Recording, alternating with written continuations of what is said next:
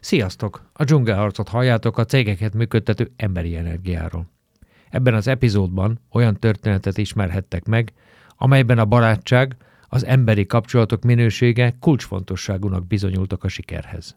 Az egymás iránti teljes felelősségvállalás nem csak kiinduló pont volt vállalkozásukban, hanem természetes gyakorlat, de a működésük során rájöttek arra is, hogy az erős szövetséges, reprodukálhatatlan és felmérhetetlen érték. Ez a több mint egy évtizede kialakult viselkedés minta és megközelítés, a sok-sok átélt konfliktus, dilemma ellenére máig érvényes és része mindennapi működésüknek. Vitézi Péter és Kardos Marcel az Action Lab alapító tulajdonosai. Sziasztok! Üdvözlöm én is a kedves hallgatókat! Van egy tréningetek, aminek az a címe, azt a nevet adtátok, hogy vonzalom alapú értékesítés. És itt azt villantottátok fel, vagy azt ígéritek, hogy meg is lehet tudni azt, hogy mit fog mondani az ügyfeletek, miután meghallgatta az ajánlatotokat, és elmentetek. És arra gondoltam, hogy megfordítom ezt a kérdést, és most azt kérdezem meg, hogy ti mit gondoltatok erről a beszélgetésről, amikor ide felé jöttetek? Vitézi Péter. Azt gondoltuk, hogy azon keresztül, hogy el fogunk mondani pár olyan dolgot magunkról, ami segíthet másoknak is abban, hogy a vállalkozói lét dzsungelharcából, hát most, hogy nyertesen, de legalábbis jól jöjjenek ki. Arra is gondoltunk, hogy majd valószínűleg magunkról is meg tudunk egy pár dolgot, mert már nekem, amikor az előkészítő beszélgetésem volt veled, akkor, akkor tanultam egy új kifejezést, kulturális tőke, és uh, én bennem az is benne volt, és mondtam is a Marcinak, hogy uh, biztos ki fog ebből derülni magunknak is valami új megfejtés egymásról, magunkról, arról, hogy mit csinálunk, meg hogy uh, mi az, amiben uh, másoknak tudunk jó vagy rossz példát mutatni. Kardos Marcel? Én annak ellenére, hogy Péterrel közel 30 éve vagyunk barátok, bennem felmerült az, hogy érdekel, hogy mit fog mondani. Tehát ez, szerintem ez egy jó dolog, hogy ennyi év után is még tudunk érdeklődni, és izgatottnak lenni a másik véleménye iránt, akár személyes, akár céges kérdésekben, illetve én ezt a személyes utazást gondoltam át az alapján, amit hallottam erről a műsorról, hogy mi az, amin mi keresztül mentünk az elmúlt 15 évben vállalkozóként, mit jelent nekem az, hogy volt egy lehetőségkövető működésünk, ahogy minden vállalkozó kezdés, aztán ahogy ezt szépen struktúráltuk újra, és hoztunk be új know-how-kat, amikkel fejlesztettünk másokat abból, magunkat is elkezdtük fejleszteni értelemszerűen, és eljutottunk egy sokkal stratégiai, tudatosabb működésre, ami miatt ott tartunk, ahol. Jó, hogy behoztad a barátságot, mert engem roppant izgat. Ugye a közmondás szerint a, a pénz és a barátság az nem, nem barátok, vagy, vagy van egy ellentmondás és ti barátok vagytok, és ezt az üzlet úgy néz ki, hogy nem érintette, vagy talán még meg is erősítette. És ez hogy megy? Most nem akarom felsorolni, hogy egy, egy közös üzletben felvetődhetnek, hogy te többet teszel bele energiával, a másik kevesebbet, elkezdődik a másik figyelése. Ezt hogy tudtátok megoldani? És ez hogy működik nálatok? Marcel? Hát erről önmagában tudnánk csinálni szerintem egy műsort, hogy ezt hogy Rajta. oldottuk meg, meg hogy szerintem mindent megéltünk ezzel kapcsolatban, amit, amit hallottál. Tehát ez nem úgy néz ki, hogy hát annyira jó barátok vagyunk, hogy minket nem érint meg az, hogy ha nyomás alá kerülünk, vagy hogyha nehéz a helyzet, vagy hogyha nagyon jó a helyzet, vagy, vagy nagyon más élethelyzetekben vagyunk. Ugye az, hogy ki mikor mit csinál az életében, annak is nagyon komoly hatása van arra, hogy éppen az üzleti helyzetekben milyen attitűddel, vagy milyen, milyen gondolkodásmóddal van jelen. Mindent megértünk ezekből, de olyan eszközöket, meg olyan szeretettet éreztünk szerintem egymás iránt is, hogyha ezt szabad itt ezt így mondanom, ami miatt volt kedvünk magunkat fejleszteni, illetve egymásnak segíteni abban, hogy fejlődjünk. És ez, szerintem ez volt, én azt gondolom, hogy ez volt a kulcsa annak, ezt hogy itt tartunk. A szeretet az volt a kulcs, kulcs szó.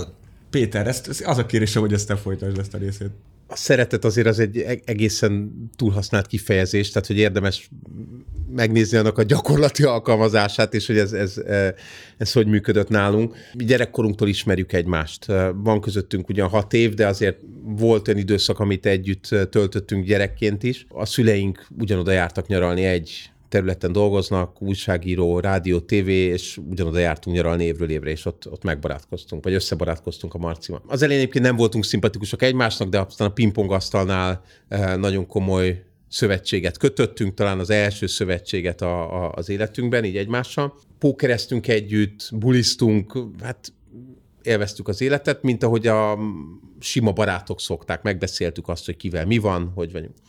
Aztán, amikor elkezdtük a, a közös vállalkozásra, ráfordulást, tehát elkezdtük az első programunkat, a döntéskontrollt fejleszteni, akkor hát volt egy nagyon fontos helyzetünk, amikor az első próbatréningünket raktuk össze, és a Marci megkapta azt a feladatot, hogy meséljen, vagy készüljön fel a póker történelméből. Most is rögök, amikor eszembe jut elnézést. És mindenki kapott valami részt, döntéselmélet, nehéz döntési helyzetek, a világban esett tanulmányok, a Marci meg megkapta a póker történelmét és derekasan felkészült belőle, nem lehet azt mondani, hogy nem tette oda magát. Hárman voltunk egyébként, Huszti Gábor, ő volt a harmadik, akivel fejlesztettük ezt a programot, és hát a Marcira került a sor, aki elkezdte mondani a póker történelmével kapcsolatban azt a nagyon sok hasznos, lebilincselő információt, amit összegyűjtött több napnyi erős kutatómunkával, ami egész egyszerűen annyira érdektelen volt, hogy az valami elképesztő. Mert hogy ez a döntéskontroll program egyébként a, a pókerre épülve fejleszti a résztvevőknek a döntéshozatalát. És hallgattuk ott a Marcit, és a Húzival így egyszer csak megkértük őt, hogy hagyja abba. Tehát így elkezdtünk röhögni, és így mondtuk, hogy hát ez tök jó, hogy felkészül, de hát ez ami rettetesen érdektelen. Tehát már minke, mi is halára unjuk magunkat. Mi lesz a tréning résztvevőkkel? És a Marci ott, tehát látszott, hogy nagyon rosszul esik neki tehát rettenetesen rosszul esik neki. Mi akkor abban a nagyon szerencsés dinamikában voltunk, hogy akkor húzzuk tovább az agyát, tehát hogy ez nagy, nagyon mi mást tehetnek a barátok egymással a szeretet jegyében, és rámentünk, és, és, és elkezdtük a, a Poker Indiana Jones-ának szólítani Dr. Jones, majd régész, történész, és akkor ezen a vonalon mozogtunk legalább egy két és fél percet, amikor a Marci elege lett ebből. Mondta, hogy akkor ő elmegy nem az egészből kiszáll, de hogy ő most megy, elege van ebből. És akkor abból lett egy olyan beszélgetés, másfél órán keresztül, aminek az lett a vége, hogy azt megbeszéltük, hogy ha akármi történik, az nem lesz opció, hogy, hogy ott hagyjuk a, a, a másikat, hanem megoldjuk a helyzeteken. És valahogy, tudom, hogy ilyet gyakran mond az ember, meg van, hogy papok előtt is mond ilyet az ember, vagy anyakönyvvezető előtt, de hogy valahogy nekünk sikerült egy olyan súlyt adni ennek a, szövetségnek, vagy nem tudom, ennek a megállapodásnak, hogy, hogy ez azóta megmaradt. Rengeteg konfliktuson vagyunk keresztül. Tehát, hogy azért ez a, ez a barátság, ez, ez egy, egy elég forró kohóban edződött, de ez egy nagyon fontos alapja volt, hogy ha konfliktus van, akkor azt, azt feloldjuk, és az, tehát időt lehet kérni, de faképnél hagyni a másikat, és, és kicsekkolni azt nem. És ezt, ezt azóta tartjuk 15 éve. Mennyire fontos ez a barátság üzleti szempontból, tehát menne a cég, hogyha nem lennétek barátok, vagy ez egyébként egy alap emberi helyzet, hogy ti barátok vagytok, és ennek az egyik vetülete a cég. Szerintem nagyon kíváncsi vagyok, mit fogsz mondani. Nagyon. Ez, ez, ugye ez egy nagyon jó kérdés, mert nem nincs egy alternatív univerzumban megnézhetnénk, hogy mi lenne akkor. Ne kitérő választ adjál. Ha mindjárt fogom mondani. Én azt gondolom, hogy nem lenne ilyen a cég, hogyha nem lennénk barátok. Ez a most belenéztem a lelkembe itt ezzel a három másodperc alatt, amíg még vártad, hogy mit fogok mondani. Biztos, hogy lehetne jó céget csinálni egy pontig, de szerintem főleg ebben a témában, mert ugye nem egy kisboltot üzemeltetünk, és ott kell valami helyzetben helytálnunk, bár ott se lenne nagyon haszontalan a tisztelet, meg a, az a szeretet, meg a reflexió, ami, ami ehhez kell. De nyilván onnantól, hogy nekünk egy szervezetfejlesztő és tréning cégünk van, ami avval foglalkozik, hogy az embereket a-ból B-be eljuttassa, jobbá tegye, fe, készségeiket fejlesz-e vezetőként, értékesítőként, vagy beszerzőként, vagy bármilyen munkai helyi helyzetben, és ezáltal a magánéletében is, én azt gondolom, hogy teljesen hiteltelen lenne itt, hogyha mi nem tudnánk egymással olyan viszonyban lenni, amilyenben most vagyunk. Most az, hogy ehhez kell hogy valóban, amit a Péter mondott, hogy a legjobb barátok legyünk, vagy csak jó barátok, ez már talán nem, nem számít annyit, de az a tény, hogy így csináljuk ezt az üzletet, ahogy, és avval a szenvedéllyel, érdeklődünk a másik iránt is, meg az, az, az iránt is, hogy mit gondol bizonyos helyzetekben, az szerintem nagyon jó benne. Péter? Szerintem most már tudna működni úgy a cég, hogy nem vagyunk, nem vagyunk barátok, de nem tudtuk volna felépíteni ezt a céget úgy, hogy nem lettünk volna barátok. Tehát így visszanézve nagyon sok olyan helyzetbe kerültünk, nagyon kemény fába vágtuk a fejszénket, ahol nagyon kellett az, hogy egy egységként tudjunk működni, elfogadva a, a másikat az előnyeivel, meg a hibáival együtt. És úgy, ugye ez egy kulcs, hogy a mi felelősségvállalásunk az, az nem áll meg a saját személyiségünk, vagy a saját működésünk határán, hanem teljes mértékben felelősséget vállalunk a másiknak a, a működéséért, ami annyi abban biztos, hogy nem pusztába kiáltott szó, hogy mi a Marcival az összes vállalkozásból származó jövedelmünket elfelezzük. Tehát, hogy mi nem nézzük azt, hogy akkor a múlt héten, akkor most ki hány perccel, vagy, vagy hány ügyféllel többet vagy hány karakterrel többet ütött le, hanem nekünk az a, az elkötelezettségünk, hogy mindenben felezünk. Tehát innentől kezdve nekünk a felelősségvállalás az nem csak erkölcsi, hanem anyagi értelemben is jelen van, és nagyon szépen és erősen tartja össze a, a, a működésünket. Viszont bocsánat, annyi kiegészítés ehhez, hogy viszont most tényleg elkezdtem gondolkodni azon, hogy volt-e ilyen, de szerintem nagyon sok évre kéne visszamennem ahhoz, hogy találjak olyan helyzetet, amikor bármelyikünk is hibáztatná a másikat valamiért. Mert hogy elfogadjuk azt, hogy van egy stratégiánk, ami mentén fölépítjük ezt a céget, tehát a stratégiát, mint eszközt követjük, amit közösen raktunk össze jó sok gondolkodással, fejtöréssel, de onnantól nincsen olyan helyzet, hogy azt mondjuk, hogy te ezt miért csináltad, mert benne van, hogy, benne van, hogy valamilyen hiba történt, akkor azt ugyanazzal együtt elfogadom, mert azt gondolom, vagy fordítva nyilván Péter nekem, mert azt gondoljuk, hogy hosszú távon így vagyunk a legsikeresebbek, hogyha nem azt emészgetjük, hogy miért csinált valaki valamit, hanem hogy olyan rendszereket hozzunk létre, amik ezt a lehető legkisebb valószínűségére csökkentik. Ugye közgazdászok vagyunk mind a ketten, ami egy egyszerre puha és másik oldalon az egy nagyon erősen számszerűsíthető része is, az az, hogyha a vállalkozói létben van egy ennyire erős szövetségesed, az biztos, hogy nagyon sokat ér. És nem reprodukálható. Tehát az, hogy mi eljutottunk ide, hogy több közös vállalkozásban, amiben az Action Lab a, a az, amivel napi eh, szinten foglalkozunk, de hogy több közös vállalkozásban tudunk együttműködni, közösen alkotni, közösen uh, vezetni cégeket, ez egy olyan érték, amire amikor visszagondolunk, azért ez egy, ez egy uh, hogyan kéne reprodukálni, ha ez nem lenne, arra azért nagyon nehéz értelmes válaszokat még egy pár pohár bor után is találni. Egyébként csak az jutott erről eszembe, hogy nagyon sok olyan embert ismertem, aki, aki nagyon intelligens volt, nagyon értett a dolgához, és magasra is jutott mondjuk egy multinacionális hierarchiában, és aztán valamiért úgy döntött, hogy szeretne vállalkozást indítani, és pont ez a, ez a cement, meg ez a barátság, meg ez a, ez a jobbik felem megléte hiányzott ahhoz, hogy sikeres tudjon lenni. És ebből tényleg rengeteg olyat láttam, amikor valaki egy multiból kilép, elindít egy vállalkozást, minden adott, de valahogy vagy magányos lesz, vagy nem szólnak neki, hogyha rossz irányba megy, vagy már nem talál olyan embert, akinek elhiszi, hogy rossz irányba megy. Tehát, hogy pont ez a egymást húzzuk előre, és, és, és energiát adunk, az szerintem eszméletlen fontos ebben a dologban. Nekem van egy elég mélyre beívódott emlékem. Most nekünk kb. 1 millió euró körül van az árbevételünk, de hát egy kis butik tréning cégként indultunk, amelyik nagyon izgalmas, póker alapú döntéshozatal, vonzalapú értékesítés, túléléshez kapcsolódó tárgyalást foglalkozik ilyenekkel, de hát egy kis cég voltunk.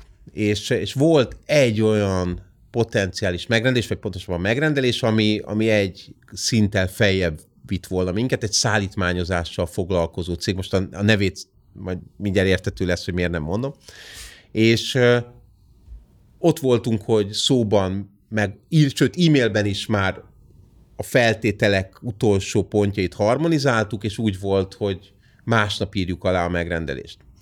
És ez egy több tízmilliós üzlet volt, ami akkor nagyon sokat számított nekünk.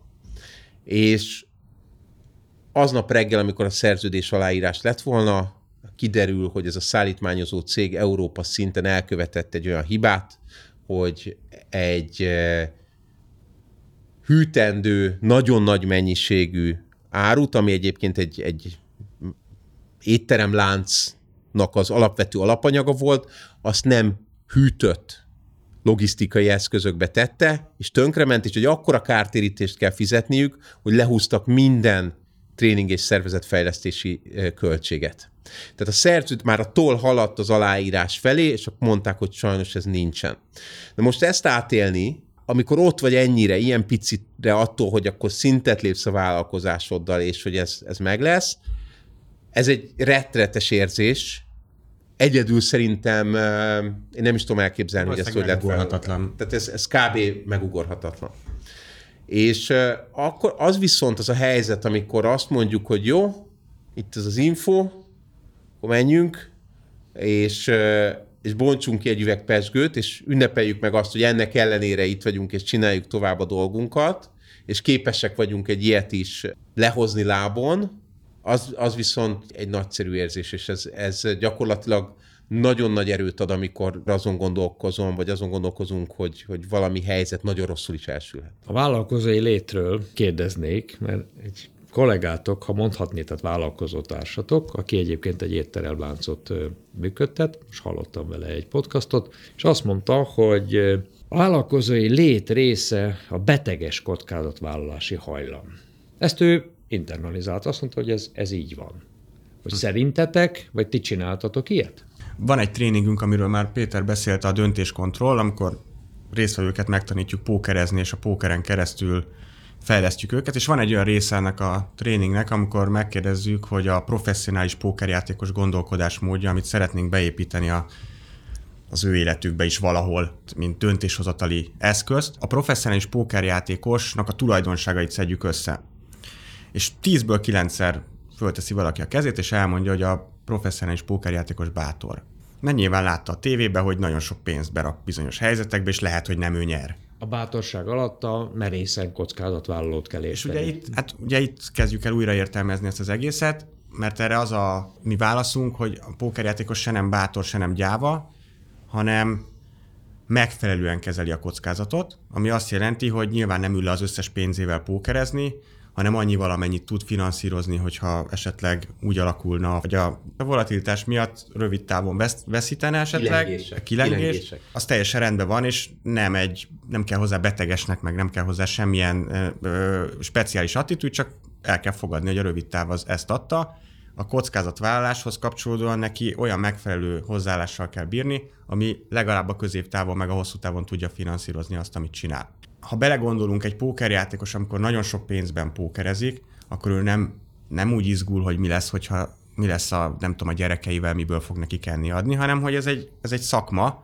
hogy a lehető legjobb döntéseket szeretném hosszú, hodni hosszú távon, és azt gondolom, hogy nekünk megadatott az a szerencse, hogy ezzel is foglalkozunk, mert emiatt nem érezzük ezt, amit, vagy én legalábbis nem érzem ezt, amit egyébként az úriember mondott ki vannak jelölve nekünk azok a terepek, ahol kockázatot vállalunk, van üzleti, ugye nekünk van egy stratégiánk, az alapján van egy üzleti tervünk, értjük, hogy hova mennyi költséget fogunk berakni, tehát hogy tehát mi ezt, mi ezt nem érezzük. Egy interjúban azt mondtad, talán éppen a, arról kérdeztek, Péter, hogy eh, hogyan sikerült Mark Szonyát újraépíteni, és akkor azt mondtad, hogy a legelső azért, hogy eh, kell egy erős eh, nagyon komoly problémákon is átívelő motiváció, szenvedély, mert ha ez nincs, akkor az egész vállalkozás nem ér semmit.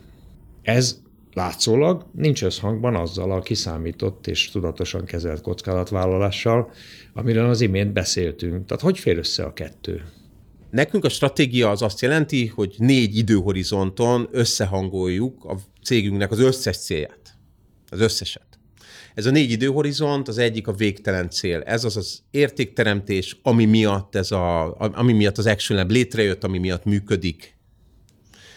Van a hosszú távú célunk, a víziónk. Mit gondolunk, hogy mondjuk öt év múlva hova fog elvinni minket a küldetésünk? Vannak a rövid távú fejlesztési céljaink, mérföldkövek, miket kell ahhoz teljesítenünk, hogy a küldetésünkkel, a végtelen célunk, a közelebb kerüljünk a, a vízióhoz. És vannak az állandó céljaink, az értékek, ezek azok a viselkedésbeli normák, amik minden pillanatban meg kell, hogy határozzák az együttműködésünknek a kinézetét, meg a, a, az alapjait.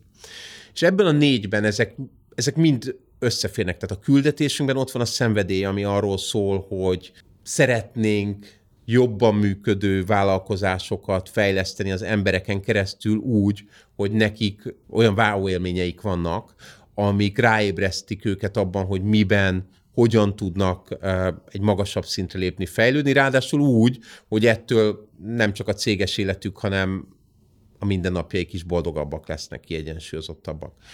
Ez is benne van, ez ott van a küldetésünkben, de a, a víziónkban, hogy hova szeretnénk eljutni, ott vannak pontosan számszerűsített célok, célkitűzések, arányok, mennyi szeretnénk Magyarországon, külföldön, a különböző fejlesztési irányainkra milyen hangsúlyokat szeretnénk fektetni, és pontosan mit gondolunk, hogy milyen hangsúly fog kerülni, hogyha öt éven keresztül azt csináljuk, amit most csinálunk.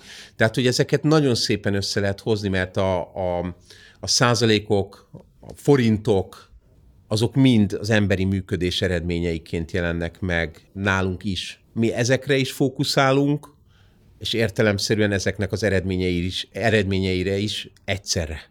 És ebben a stratégiában jelöljük pont azt a célt, hogy hol van az, amikor az Excel-t böngészük, és hol van az, amikor leülünk beszélgetni, vagy mondjuk a, egy, egy, egy új kollégát eh, hozunk be a cégbe, akkor, akkor ő milyen legyen. Mi abban hiszünk, hogy azok a vállalkozások lesznek sikeresek hosszú távon, amelyeknek a céljai végtelenek és nem megvalósíthatók 3, 5, 8, 10 év múlva. Tehát amit a Péter elmondott, hogy mi szeretnénk jobbá tenni szervezeteket, azáltal, hogy wow élményt okozunk fejlesztési folyamatokban. Ez a végtelen cél? Így van, ez nem, én nincs olyan, hogy készen van.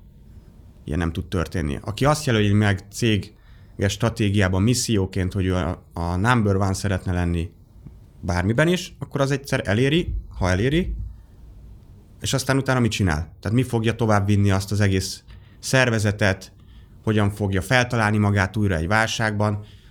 Mi azt gondoljuk, hogy ilyen végtelen cél nélkül nagyon nehéz hosszú távon sikeresnek maradni, vagy a játékban maradni. Arra vagyok kíváncsi, hogy hogy te beleástátok magatokat egész jól a pókerbe. És hogy fordul ez át tréning programba? Mitől gondoltátok, hogy ez menni fog? Ugye ezt úgy, úgy... Mert ebben nem volt tapasztalatotok korábban. Persze, ez egy... persze, nem, ez, egy, ez, ez ebből a szempontból egy lehetőségkövető működés volt.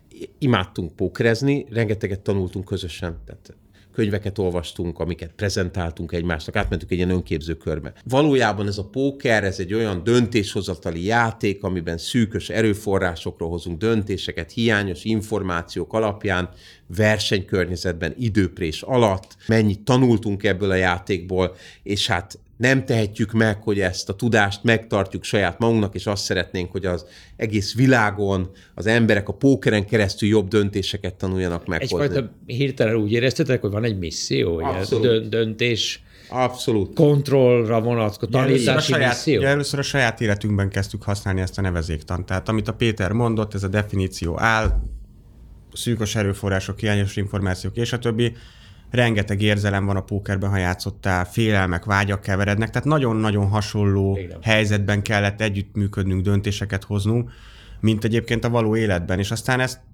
mivel fontos volt nekünk, meg éreztük, hogy itt van egy olyan eszköz, amit nem tanítottak meg nekünk. Szerintem ez egy nagyon lényeges dolog, hogy mi fölfogtuk, hogy ez egy hiány a mi életünkben. Miért nem tanítottak meg minket valamelyik iskolában arra, hogy hogyan kell döntéseket hozni ilyen, ilyen környezetben. Én hallottam. Nekem volt egy a döntés elmélet. Az volt, hogy el, hogyan kell ez, ezért mondom, hogy az elméletem van a hangsúly. Tehát, hogy itt az, hogy most oké, okay, van egy helyzet, most hova nyúlok.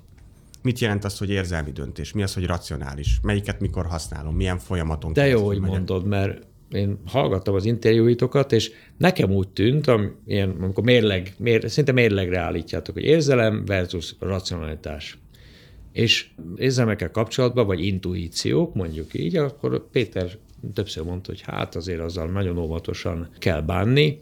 Másfelől meg vannak olyan tapasztalatok, hogy igazán az intuíciók számítanak. A helyzet az, hogy nagyon sokan, amikor a sikerüket indokolják, akkor mondanak valamit, amiről azt gondolják, hogy a sikerükhöz vezetett, de nem tudjuk, hogy valóban amiatt lettek de ezt sikeresek. tudhatjuk?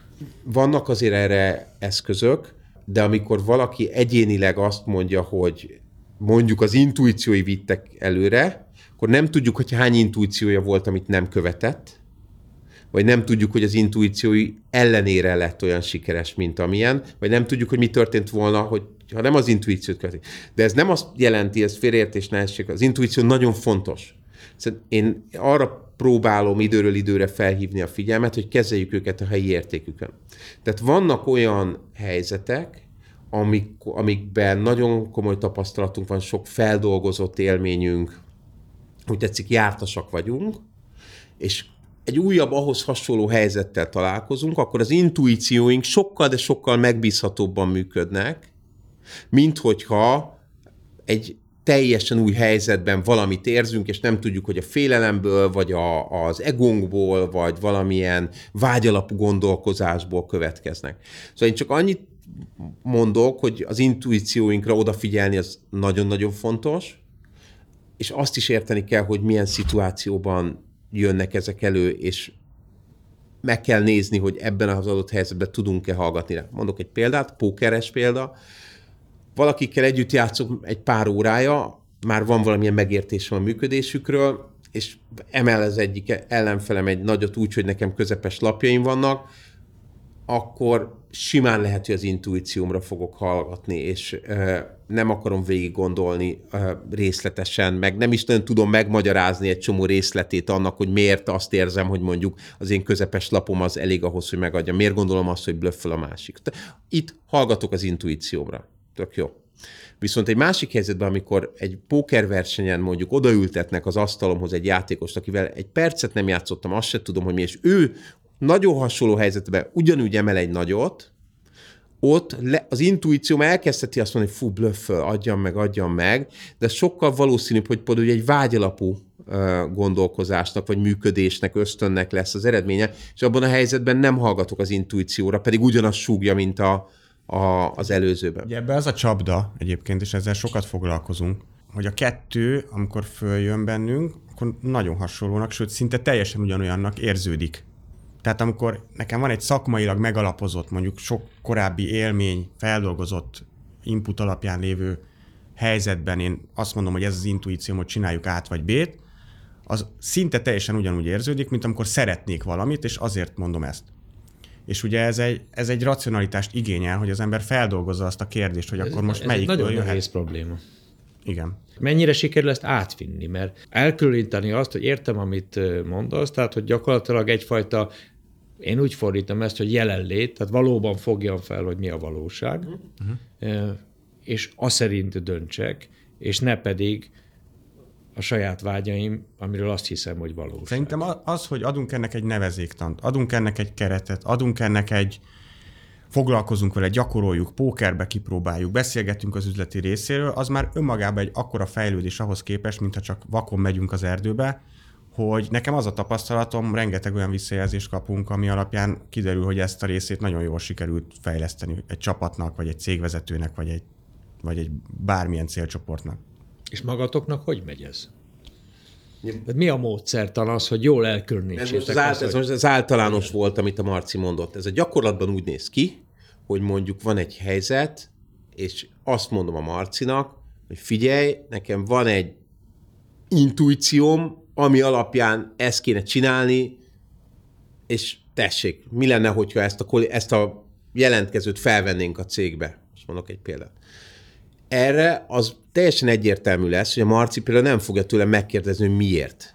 Mert hogy egy intuíciót nem tudunk magyarázni, racionalizálni tudunk, de valódi magyarázatot nem tudunk. És hogyha ő úgy ítéli meg, hogy ez egy olyan helyzet, amiben jól működök intuitíven, akkor ő simán azt mondja, hogy oké, okay, let's go, nem, rendben van. Hogyha viszont például ő úgy ítéli meg, hogy ez nem egy olyan helyzet, túl nagy a tétje például annak a pozíciónak a betöltésének, vagy ez egy újfajta pozíció, tehát nem tudjuk pontosan, hogy milyen ember az, aki nagyon jól fog itt működni. Akkor simán mondhatja azt, hogy értem, hogy ez a megérzésed, vagy ez a zsigeri javaslatod, de mi lenne, hogyha végig gondolnánk, és akkor szedjünk össze egy pár szempontot, ami alapján ezt eldöntjük. Tehát például ez egy nagyon gyakorlati működés, nem kezdjük ezt szekírozni egymást, amikor valaki jelzi, hogy ez egy intuitív döntés, ha pedig valaki jelzi, hogy ez egy végig gondolta, hogy tetszik racionális javaslat, amivel él a másik felé, akkor meg végighallgatjuk, hogy hogyan jutott oda. Ez most csak az első szintje, ez a kommunikációs szintje ennek az ügynek. A második pedig nyilván az, hogy most már tisztában vagyunk azzal, hogy melyik területen működik jól a másik intuíciója, és ott bátorítjuk is egymást. Tehát egy csomó helyzet van, amiben például én látom, hogy a Marcinak nagyon jól működnek az intuíciói, de valami miatt ő éppen két kisgyerek mellett mondjuk nem, nem aludta ki magát tökéletesen, mondjuk így, néha ez előfordul, és emiatt éppen nem tudja, hogy most hallgasson-e magára, vagy nem, és én mondom neki, figyelj, te tök jó vagy, ha ezt érzed, akkor, akkor csináljuk ezt. De ugye akkor fordítva is van, hogy a Marci mondja nekem egy, egy ilyen helyzetben, hogy figyelj, ez, ez most egy kicsit olyan, amiben értem, hogy miért szeretnél túl lenni ezen a döntésen, de hogy menjünk már ennek a mélyére, és, és értsük meg, hogy ez, a, ez, ez az ember az, akire nekünk ö, szükség van, vagy a csapatnak szüksége van ahhoz, hogy, hogy to- tovább tudjunk. Lehet, hogy az lesz, lehet, hogy nem, de üljünk le és beszéljük végig. Ez, ezek mind gyakorlat, a gyakorlatban így néz ki, ahogy mi beszélgetünk. Ez tök jó hangzik, de ehhez ketten kelletek, vagy többen. De nem ritka, amikor a vállalkozás tulajdonosa egymaga van. Ez a kérdés ez nagyon gyakran felmerül, de hát na, erre van egy nagyon egyszerű válasz a tanácsadókkal. Tehát, hogy nekünk is, hiába egy tanácsadó céget viszünk, van kommunikációs tanácsadónk, van pénzügyi tanácsadónk, van nemzetközi piacra lépési tanácsadónk, van olyan, aki a stratégiánkat segít összerakni, hiszen tudjuk, hogy pont mivel a sajátunkról van szó, nagyon fontos, hogy legyen valakinek egy, egy külső rálátása és támogatása, tehát, hogy szerencsére a magyar piac azért ebből a szempontból nagyon érett. Tehát nagyon sokféle területen van, nagyon sok olyan hasznos tudás, amihez hozzá lehet férni. Van-e sok kókler? Persze, hogy van. Igen, ezt akartam Persze, mondani, hogy van. Ez egy bizalmi üzletág, tehát nehéz választani. Szerintem vállalkozóként ez egy nagyon fontos készség, hogy tudjad, hogy, hogy ki tud választani pontosabban azt a tanácsadói kört, ha egyedül vagy, ha többen, akivel együtt tudsz mozogni. Mert enélkül, tehát nem, nem ez, egy, ez a, hogy a vállalkozó mindenható, ez egy, ez egy nagyon rossz tévhit, ez is már okozott egészen sok személyes problémát. Tévhitnek tévhit, de sokan kénytelenek maguk, tehát az elején főleg hozzászoknak ahhoz, hogy maguk intézenek mindent, amikor, és ebből nyilván leszűrik azt a dolgot, és ez egy vállalkozói kényszerhelyzet, hogy sokszor el se tudják engedni, tehát hiába vesznek föl embereket, a Ugye vállalkozó... nagyra nőni, ha el tudják. Tehát, hogy nekünk az a tapasztalatunk, hogy itt az elmúlt, egyébként gondolkoztam, hogy kérdezted, hogy szerintem az elmúlt 5-10 évben én nagyon komoly fejlődést láttam a, a, a középvállalati szektorban is ebben a kérdésben. Tehát még 10-15 évvel ezelőtt rengeteg olyan középvállalati vezetőt láttam, aki én hoztam létre ezt a céget, majd én azt tudom. A saját gyerekem. Én gyerekem, és egyébként is különben is azt, hogy, hogy hogy tudná más jobban. Én most nem ezt látom, most azt látom, hogy nagyon sokan elkezdtek bevonni felső vezetésbe olyan mondjuk korábban multinacionális cégnél dolgozó embereket, akik értenek ahhoz az iparákhoz, vagy olyan készségeik vannak, vagy, vagy olyan tanácsadó csapattal dolgoznak, és nem, ez nem egy ilyen felesleges luxus az ő szemükben, hanem ez egy szükséges ahhoz, hogy mondjuk egy szintet lépjenek, vagy mondjuk azt a személyes céljukat, hogy ne kelljen rettegésbe élniük egész nap, hanem mondjuk 4-6-8 órában tudják vezetni azt a céget, azt meg tudják valósítani, és ne a mikromenesbe vesszenek el. Szerint én ebben nagyon pozitív vagyok, és nagyon sok ilyen vállalatot látunk most az elmúlt, nem tudom, három-négy évben.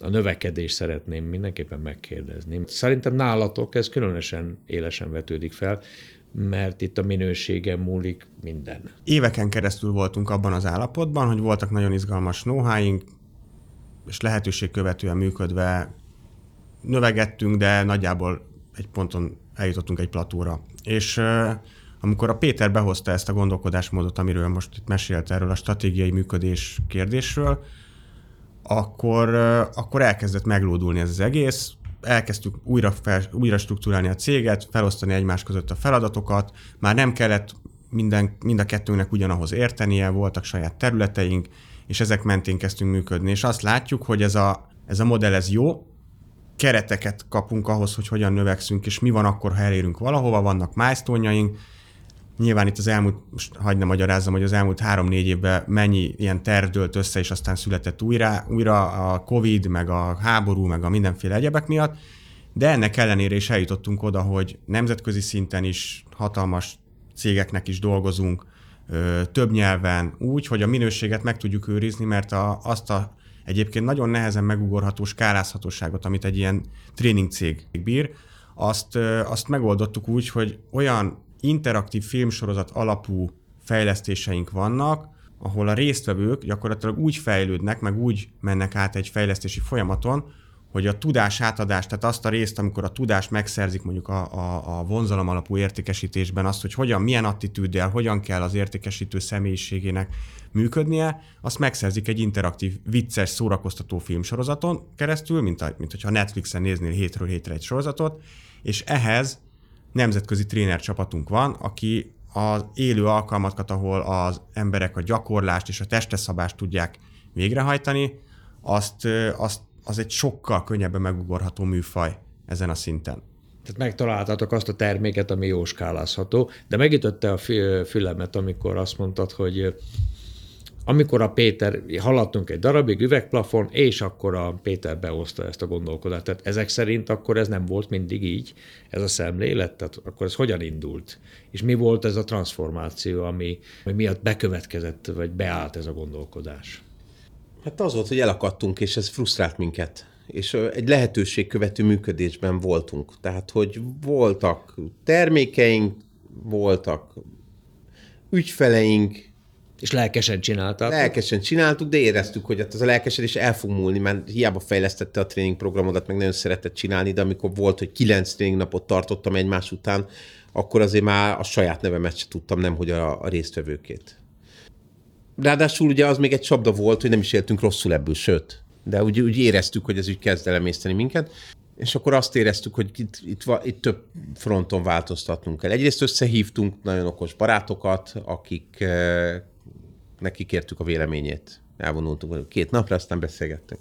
Ezen kívül pedig eh, szükség volt egy olyan módszertanra, ami lehetővé teszi azt, hogy szétválasszuk a Marcival a, a működésünket, amit ő is mondott, mert ilyen kis szimbiózisban mindenről együtt beszélgettünk, együtt mentünk a megbeszélésekre, együtt döltöttünk, együtt tartottuk a tréningeket, és a többi.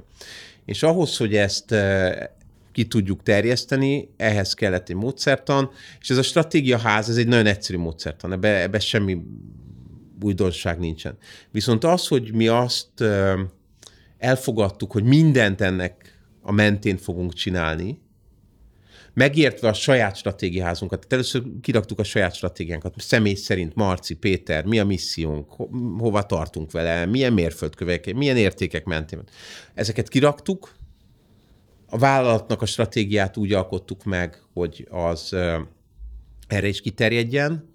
Ezen a ponton csatlakozott hozzánk Láng Robert, aki szintén ebben a, a cégben tulajdonos, és, és a Robival hármasban kezdtük el felépíteni a stratégia mentén már azt a fajta működést, ami ahhoz kellett, hogy ide el tudjunk jutni.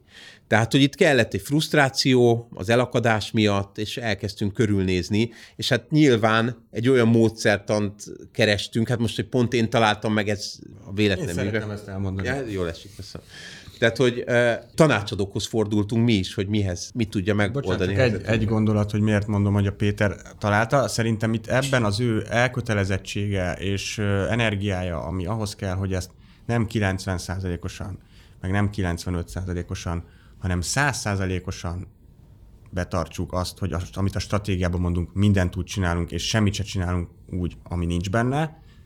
Én azt gondolom, hogy ez, ez a, ez, ezen múlik. Tehát, hogy ha hogyha keresünk ilyen kis lehetőségkövető apróságokat, mondok egy példát, a nem tudom, 2010-es évek közepén kihívtak minket Kanadába, hogy írjunk egy könyvet közösen egy másik tréning céggel a póker döntéshozatalról, és hogyha ezt lett volna ilyen stratégiánk, akkor ezt nem csináljuk, de hát nyilván izgalmasnak tűnt, meg jópofának tűnt, meg menőnek tűnt, New Yorkba kimenni, ott találkozni, meg, meg ötletelni. Sok olyan dolog van, amihez az embernek... Semmi nem lett belőle. Nyilván nem lett semmi belőle, hiszen nem arra volt fölépítve se a szervezetünk, se a semmilyen olyan speciális know nem volt, azon kívül, hogy csináltunk egy döntéshozatali póker tréninget, hogy mi nemzetközi könyvkiadói bizniszbe belevágjunk bármilyen szempontból. Tehát ha lett volna egy ilyenünk, akkor vissza tudunk hozzá nyúlni, és azt mondjuk, hogy megértettük, hogy ez egy nagyon, nagyon izgalmas dolog, de nem fogjuk csinálni. És aztán onnantól, hogy ezt behoztuk, onnantól azok a szűkös erőforrásaink, ami a saját energiánk, a pénzünk, az idegrendszerünk, és a többi, azokat egy, egy olyan irányba tudtuk állítani, hogy mindenki, aki ebbe a cégbe dolgozik, azt a célt, meg azt a missziót, víziót fogja táplálni és előrevinni, ami egyébként mi megalkottunk hideg fejjel egy tervezőasztal mellett.